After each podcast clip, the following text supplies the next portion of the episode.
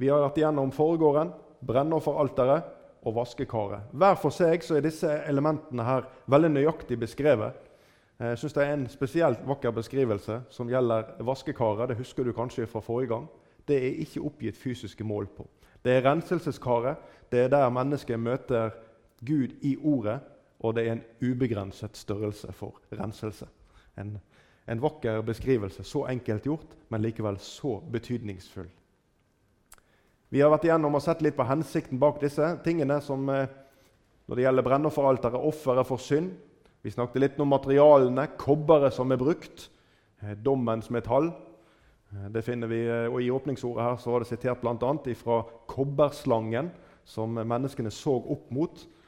Og så leser vi fra profeten, som sier at straffen lå på han for at vi skulle ha fred. Også den sykdommen som disse slangebittene gjorde mot israelsfolket, disse serafenslangene, når de beit dem, så kunne de se opp på kobberslangen, og så rammer det ikke folket. Selve tabernaklet, som vi da er kommet til når vi har kommet inn her og vi har passert brennofferalteret og vi har passert renselseskaret, så kommer vi til selve tabernaklet. Det er en bygning som er gjort av eh, planker. Um, og det er veldig mye å si om både mål og materialer og vekt. Og Jeg gjentar meg sjøl litt fra de andre dagene jeg har vært her. Hvorfor har Gud latt skrive alle disse tingene? Hvorfor bruker Gud flere kapitler gjennom andre Mosebok spesielt på å beskrive mål og vekt og materiale? Jo, det er fordi det ligger verdifull informasjon for deg og meg der som er helt nødvendig for oss for å skape et godt bilde av livet sammen med Jesus. Når en leser om tabernaklet, når en eh, ser hvordan dette var laga til, og hele forordningen i den gamle pakt, så peker det frem imot den nye pakt. Bibelen lærer oss at det er et bilde av det som skulle komme. Og Det er veldig få ting jeg leser om når jeg leser Bibelen. Jeg vet ikke om det er noen, hvor jeg kan si at jeg ikke finner noen relasjon til det som omhandler tabernaklet. Det er på en måte en av de tingene som, har blitt veldig sentralt for meg i mitt eget personlige bibelstudium. og Jeg har gjerne lyst til å dele noe av det her med dere. Vi sa at eh, brennofferalteret var for alle, for folket. Vi sa at eh, renselseskaret var for prestene og for levittene, for så vidt, som også var med og, og bar disse tingene som fantes i tabernaklet når israelsfolket flytta seg fra sted til sted. Men ingen kunne røre ved disse tingene uten først å være renset. Og så dro vi parallellen sist søndag, hvor vi snakket om hvem er det som er prester. da? Og så gikk vi gjennom og så på hva Bibelen sier, at hver en troende er prest for Gud og skal gjøre tjeneste. Ergo blir omgangen med dette renselseskaret veldig viktig. Og Det er kun prestene som får lov til å ta det neste steget, som da er inn i det hellige. Og inn i det aller helligste så var det da altså kun ypperste presten. Og Nå er det veldig mye å si om alle disse tingene hver for seg. Og I dag så skal vi ta for oss eh, bare noen få detaljer om tabernaklet. Den ytterste delen det er det hellige. Der gjorde prestene daglig tjeneste. To ganger om dagen så var prestene inne der og stelte med lys i lampen. Det står en syvarmet lysestake der inne. Og Der ligger skuebrød, tolv stykker, ett for hver av Israels stammer, på et skuebrødsbord. Og der er et røkofferalter der inne, hvor de brente røkelse. Ehm, hver for seg så er disse elementene minst en bibeltime, så de skal vi ikke ta for oss i dag. Det som er viktig å forstå, det er at inne i det hellige der gjorde prestene tjeneste to ganger om dagen, om morgenen og om kvelden. Det forteller oss noe om hvor ofte det var nødvendig å være i samfunnet for å holde lampen brennende. Hver for seg så taler disse elementene om Jesus og om samfunnet med han og med Gud. For å huse denne tjenesten som eh, som prestene skulle gjøre i den gamle pakt, så sa Gud at dette huset det måtte være bygd helt nøyaktig. Det var ikke sånn at Gud sa til Moses nå må du tegne et hus. Gud han sa til Moses Vi leser i 2. Mosebok kapittel 26 og vers 30. Du skal reise tabernaklet på den rette måten, slik som det ble vist deg på fjellet. Et annet sted så leser vi at det skal reises nøyaktig etter det bildet som ble vist deg på fjellet. Gud gav Moses et bilde og tabernaklet og forhenget rundt og inne og disse, alle elementene de skulle lages nøyaktig etter Guds forskrift. Vi skal lese noen vers i dag.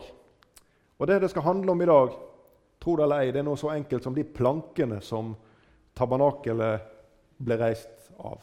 Selve veggene i det som er bygningen i tabernaklet. Vi får ta for oss tak og de andre tingene en annen gang, men i dag er det plankene. Vi ble møtt her i dag i åpningsordet med disse tingene som omhandler vårt forhold til Jesus. Eh, og vi ble møtt med eh, hvordan det var i den første kristne menighet, med et vers fra andre apostelgjerningene nummer 2, og jeg tror det er vers 42, eh, som omhandler fire elementer. Det omhandler bønnene, det omhandler fellesskapet, brødsbrytelsen, og det omhandler en ting til apostlenes lære. Alle disse tingene skal vi komme tilbake til. Eh, Liv Ingrid, når du åpna i dag, så var det så du traff midt i kjernen av det vi har for oss her i møtet i dag. Vi leser i 2. Mosebok, kapittel 26, og vers 15-30. Plankene til tabernaklet skal du lage av akasietre. De skal reises på ende. Hver planke skal være ti alen lang og halvannen alen bred. På hver planke skal det være to tapper med en tverrlist imellom. Slik skal du gjøre med alle plankene til tabernaklet. Og Av plankene skal, som du skal lage til tabernaklet, skal du reise 20 planker på den ene siden som vender mot sør. Og 40 fotstykker av sølv skal du lage til å sette under de 20 plankene. To fotstykker under hver planke til å feste begge tappene i. Likeså skal du til den andre siden av tabernaklet som vender mot nord, lage 20 planker. Og til dem 40 fotstykker av sølv, to fotstykker under hver planke. Til baksiden av tabernaklet mot vest skal du lage seks planker. Og to planker skal du lage til tabernaklets hjørner på baksiden. De skal være doble nedenfra og likeledes begge være doble helt opp til den første ringen. Slik skal det være med dem begge. De skal stå i hver sitt hjørne. Slik blir det åtte planker med sine fotstykker av sølv, 16 fotstykker, to under hver planke. Så skal du lage tverrstenger av akasietre. Fem til plankene på den ene siden av tabernaklet, og fem til plankene på den andre siden. Og fem til plankene på baksiden av tabernaklet mot vest. Og den mellomste tverrstangen, den som er midt på plankeveggen, skal gå tvers over fra den ene enden til den andre. Plankene skal du kle med gull, og ringene på dem, som tverrstengene skal stikkes inn i, skal du lage av gull. Tverrstengene skal du også kle med gull. Du skal reise tabernaklet på den rette måten, slik som det ble vist deg på fjellet. Nå, Her var det mange detaljer om et byggverk, om noen planker og om noen stenger. Og Vi skal ta tid til å se litt på disse og hva det betyr for deg og meg. Dette bygget, dette tabernaklet, veggene rundt, er altså lagd av treplanker.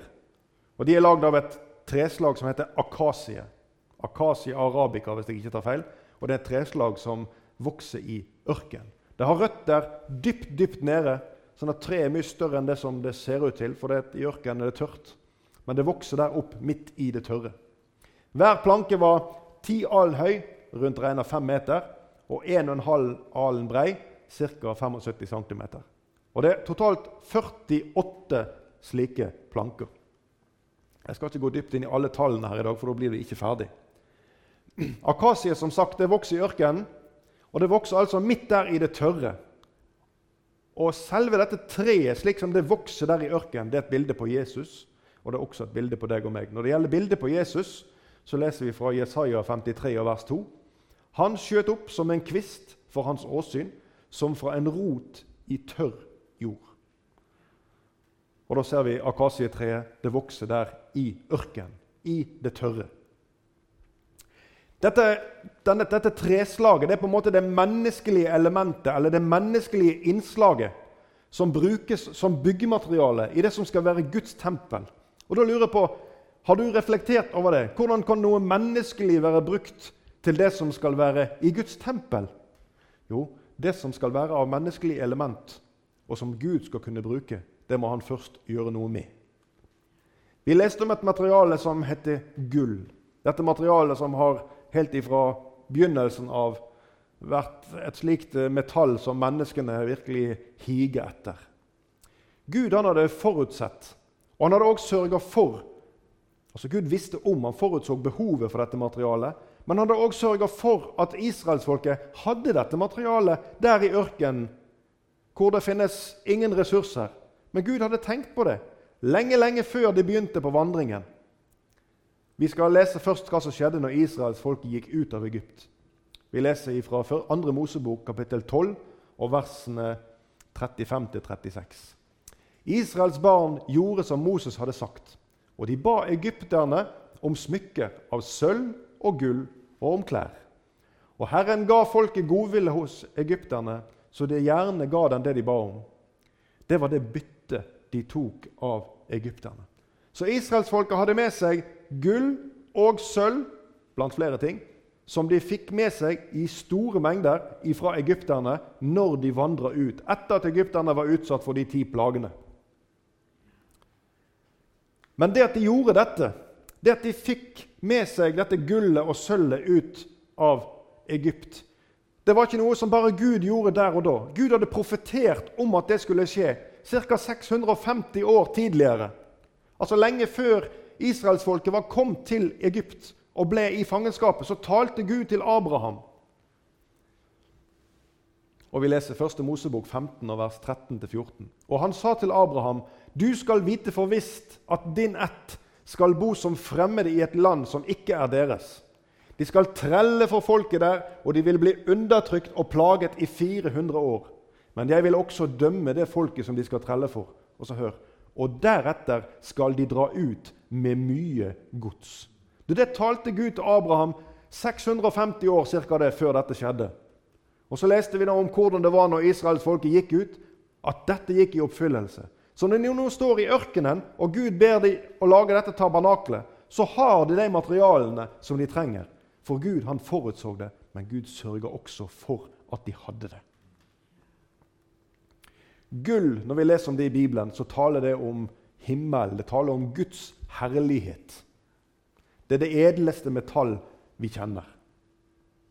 Og Vi leste i 2. Mosebok 26, vers 29, når eh, Gud beskrev plankene til Moses. Plankene skal du kle med gull.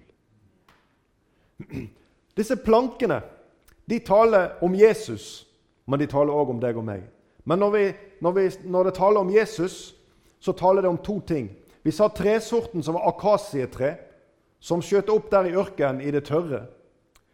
Dette treslaget er den menneskelige biten. Det vokste opp av jorden. Jesus han var sant menneske og sant Gud. Han var ikledd Guds herlighet, gullet, og innvendig så var det tre.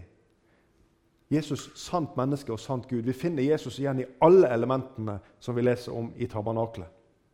Men det forteller også om oss. Det skal vi komme litt tilbake til. Men en kristen ligner sånn på en sånn planke. Han er et menneske på jorda, men i troen på Jesus så er han ikledd gullet. Og for å kunne være i Guds nærhet, som helligdommen var, så kan ikke noe menneskelig stå seg. Derfor så trenger vi å være ikledd Guds herlighet. Vi må være ikledd hellighet, og det er gullet. Og det er det som er i nærheten av Gud. Vi leser i 1. Korinterbrev, kapittel 1, vers 30.: For det er Hans verk at dere er i Kristus Jesus. Han som for oss er blitt visdom fra Gud, rettferdighet og helliggjørelse og forløsning. Dette er det Jesus ikler deg med, du som har sagt ja til Han i ditt hjerte. Slik at du kan få være med i denne helligdommen og være med i dette byggverket. Og Det skal vi også komme litt tilbake til. I Bibelen så er det mange steder hvor vi leser om mennesker som blir overkledd. Hvis du leser om den fortapte sønn eller den bortkomne sønn når han kom tilbake igjen til farshuset, hva er det som skjer da? Jo, da roper faren på tjenerne sine finn en ny kledning til ham. Han ble overkledd på nytt. Han kom tilbake igjen. I Jesaja 61, vers 10 der leser vi Jeg vil glede meg i Herren. Min sjel skal fryde seg i min Gud, for Han har kledd meg i frelsens drakt. I rettferdighetskappe har Han svøpt meg. Hvem er det som kler, og hvem er det som blir kledd? Det er Gud som kler, og det er mennesket, du og jeg som tror på Han, som blir ikledd. Du, De plankene som var dekka med gull, de danna disse veggene i tabernaklet. Og De sto tett ved siden av hverandre, leste vi, og de danna Guds bolig. Og Gud han sa at dette tabernaklet skulle de reise fordi han ville bo iblant menneskene. Han ville bo midt iblant de der under ørkenvandringen. Vi leser fra Efeserbrevet kapittel 2, og så leser vi versene 21-22. I ham blir hele bygningen føyd sammen og vokser til et hellig tempel i Herren. I ham blir også dere, sammen med de andre, bygge opp til en Guds bolig i ånden. Er det noen sammenheng mellom disse tingene som vi leser her? Om disse plankene i tabernaklet og det vi leser om her? Du, Disse plankene som står i tabernaklet, de har forbindelse til hverandre. Vi leste om 48 planker, 20 på hver av, av langsidene. Og vi leste om seks planker i bakveggen. Og så er den østre, den som er mot øst. Alle portene som du leser om, de er mot øst. Og Der er det bare to sånne hjørneplanker. Så 48 planker. Vi leste om lengden og vi leste om bredden. Og alle sammen hadde dette felles at de skulle stå på høykant. Så De står ved siden av hverandre. Og Så leste vi litt om hvordan disse plankene skulle være festet til hverandre. Vi leser Andre Mosebok igjen, 26, og versene 26-29. Så skal du lage tverrstenger av akasietre. Fem til plankene på den ene siden av tabernaklet, og fem til plankene på den andre siden. Og fem til plankene på baksiden av tabernaklet mot vest. Altså de tre plankeveggene, begge langsiden og baksiden, som er føyd sammen som er tette vegger, mens den østre enden den er åpen. Der er det et forheng inn. Disse tre veggene de er altså knytta sammen med fem tverrstenger som binder sammen disse plankene. og De må vi se litt nærmere på. Vi leser litt til. Og Den mellomste tverrstangen, den som er midt på plankeveggen, skal gå tvers over fra den ene enden til den andre. Plankene skal du kle med gull, og ringene på dem, som tverrstengene skal stikkes inn i, skal du lage av gull. Tverrstengene skal du også kle med gull. Der er fire rader med gullringer på utsiden av hver vegg. Hver planke har fire gullringer som henger på utsida. Og Gjennom disse fire gullringene, når plankene står ved siden av hverandre, så stikkes det en sånn lang stang av akasietre. Og Når den stikkes igjennom disse ringene langs etter veggen, så bindes disse plankene sammen, sånn at de blir stående som én vegg. Hvis du ser for deg ei vanlig tønne, sånn som det var før i gamle dager, så blir disse stavene Tønna består av mange sånne staver. Så blir de trykka sammen, og så er, sånn, så er, det sånne tønnebånd på utsida som på en måte holder sammen tønna, sånn at disse stavene ikke faller fra hverandre. Akkurat på samme måten så er det altså fire sånne stenger som er stukket på langs på veggene gjennom gullringer for å holde disse plankene i sammen. Du ser det kanskje for deg. I den første menighet, de ordene som Liv Ingrid åpner med, så er det fire elementer som holder menigheten i sammen. De holdt Vi leser vers 42 i apostelgjerningene 2.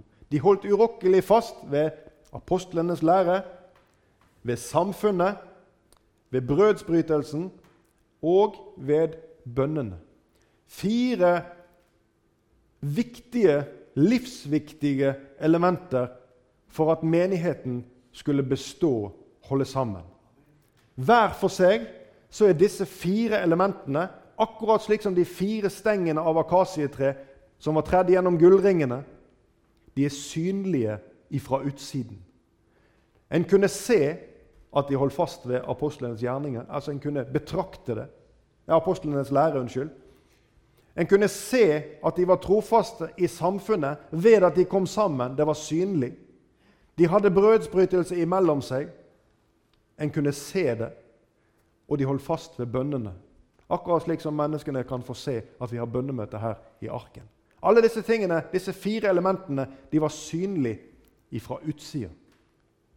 Men i tillegg så leser vi i disse plankene her i tabernaklet om en femte tverrbjelke, en sånn stang, som ingen kunne se fra utsida.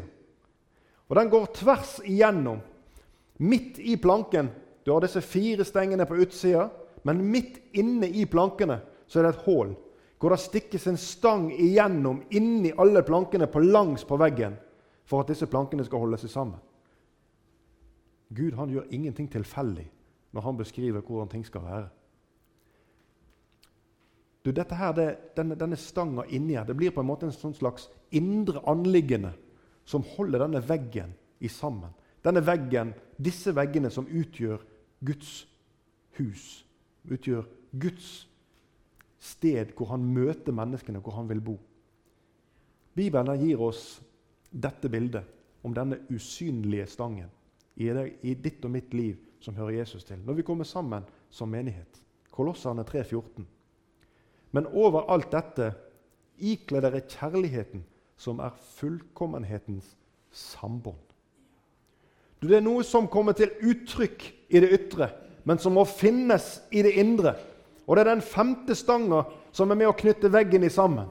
Denne stanga som er tredd igjennom plankene inni, som er helt viktig for at de skal stå nøyaktig på linje. Og så har du disse andre fire stengene på utsida som holder retningen på det. Så nøyaktig gjorde Gud det for at du og jeg skal ha noen bilder om hvordan han har tenkt forordningen i menighetslivet i dag. Disse plankene de står i ørkensanden. Israelsfolket vandrer jo, som du kjenner til, gjennom ørkenen i 40 år. Og På denne ørkenvandringen, hver gang de brøt opp, så pakka de sammen tabernaklet, og levittene de bar disse materialene til det neste stedet hvor de kom fram, som Gud viste dem, og der ble tabernaklet satt opp igjen. Og Det var jo ørken og sand. Så tabernaklet er jo plassert i sand i ørken. Men for at dette skal stå støtt, så hadde Gud beskrevet til Moses, det leste vi om, at hver sånn planke skal stå på to sånne fotstykker av sølv. Sånn, plankene skal ikke bare sige ned i sand, de skal stå på fotstykker av sølv. Det er 20 planker til hver langvegg, sa vi. Det er seks planker til bakveggen, og så er det to sånne hjørneplanker mot åpningen mot øst. Så 48 planker og to fotstykker til hver. For deg som er god i matematikk, så blir det 96 fotstykker av sølv. Jeg skal ikke gå inn i regnestykkene her og se på hvor mye sølv det er, men jeg kan si til deg at her er flere tusen kilo. Hvor kom alt det sølvet fra? Vi sa at de tok det med seg ut fra Egypten. Men hva var hensikten med at Gud ba om dette sølvet fra folket? Nå skal du høre her. Vi skal lese i 2. Mosebok kapittel 30, vers 12-13. Gud taler med Moses, og så sier han.: Når du holder manntall over Israels barn, da skal alle de som kommer med i manntallet, gi Herren løsepenger for sitt liv når de telles, så det ikke skal komme noen ulykke over dem fordi de telles. Dette skal hver gi som kommer med i manntallet en halv sekel etter helligdommens vekt. Sekelen er 20 gera. Denne halve sekel er en gave til Herren. Dette sølvet som vi snakker om her, denne løsepengen som folket gir, den skal brukes til tabernaklet. De betaler dette sølvet til Moses. Og Gud hadde sagt at dette var en løsepenge for deres liv. Vi leser videre i i vers 16 i 2. Mosebok 30. Du skal ta imot løsepengene av Israels barn og bruke dem til arbeidet ved sammenkomstens felt, så det kan være til å minne om Israels barn for Herrens åsyn, til løsepenge for deres liv. Sølv, Når du leser om sølv i Bibelen, så leser du om sølv brukt som løsepenge. Sølv det blir brukt til å betale for hvis en skulle betale nær sagt kausjon for noen som skulle komme ut av fengsel. Abraham han kjøpte en mark leser vi, for 40 sølvpenger. Josef han ble solgt av brødrene sine for 20 sølvstykker. Judas han solgte Jesus for 30 sølvpenger. Vi ser hele tiden denne handelen som foregår med sølv. Du Tabernaklet sin hensikt det at Gud lot reise dette byggverket iblant menneskene. Det var for at det skulle være et møtested. Et sted hvor prestene kunne komme inn og tjene Herren. Et sted hvor det kunne bli gjort offer for synd. Et sted hvor Gud kunne bo iblant menneskene. Dette er møtestedet tabernaklet, men det er også soningsstedet. Du, tabernaklet og hver enkelt planke det hviler på disse fotstykkene i sølv. Det hviler på en forløsningspris som var betalt. Og Nå begynner du å ane retningen av hvor henne vi skal henne. Hele tabernaklet, hele hensikten med tabernaklet, det at Gud kunne bo blant menneskene, det at det kunne bli gjort soning for synd, det er fundamentert på en løsepenge. Peker det kanskje mot den nye pakt? Løsepengen for at du og jeg kan ha fellesskap med Gud.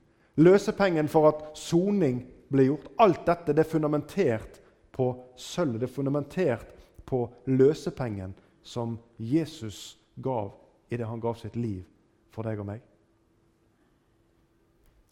Du, Guds hus det er ikke en bygning.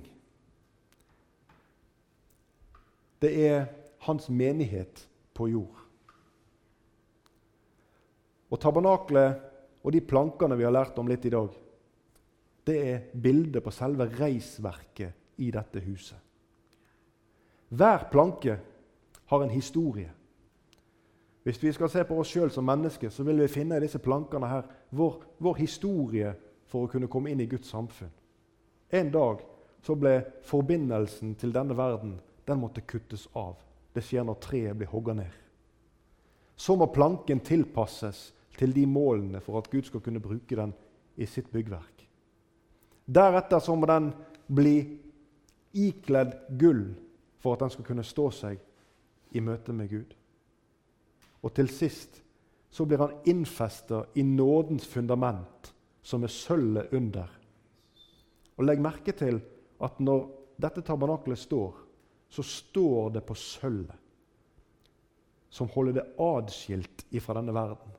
Hver av disse sølvloddene som står der, holder tabernakelets hellighet adskilt fra denne verden.